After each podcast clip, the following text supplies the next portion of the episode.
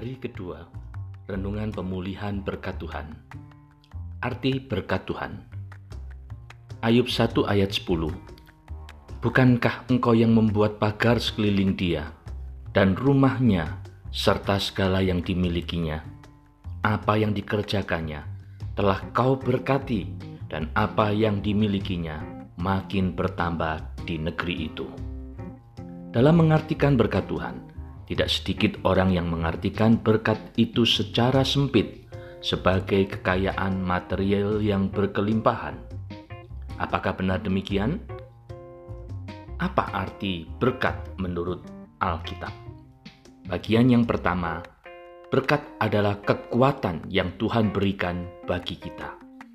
Ayub pasal 1 ayat 10 sampai 11. Ayub adalah orang yang sangat diberkati Tuhan karena ia orang yang saleh, jujur, takut akan Tuhan, dan menjauhi kejahatan.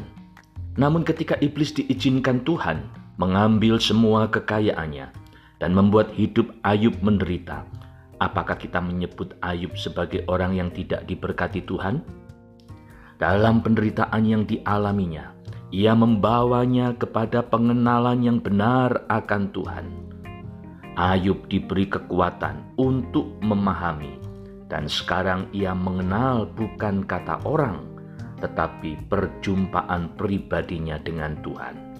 Itu adalah berkat Tuhan.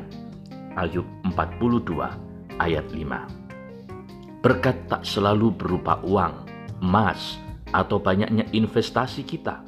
Berkat adalah ketika kita tetap kuat dalam keadaan yang melemahkan mampu bersyukur ketika tidak mempunyai apa-apa, mampu tersenyum saat diremehkan, dan tetap taat kepada Tuhan walaupun terpuruk. Lanjutan bagian yang kedua kita akan bahas besok. Tuhan memberkati.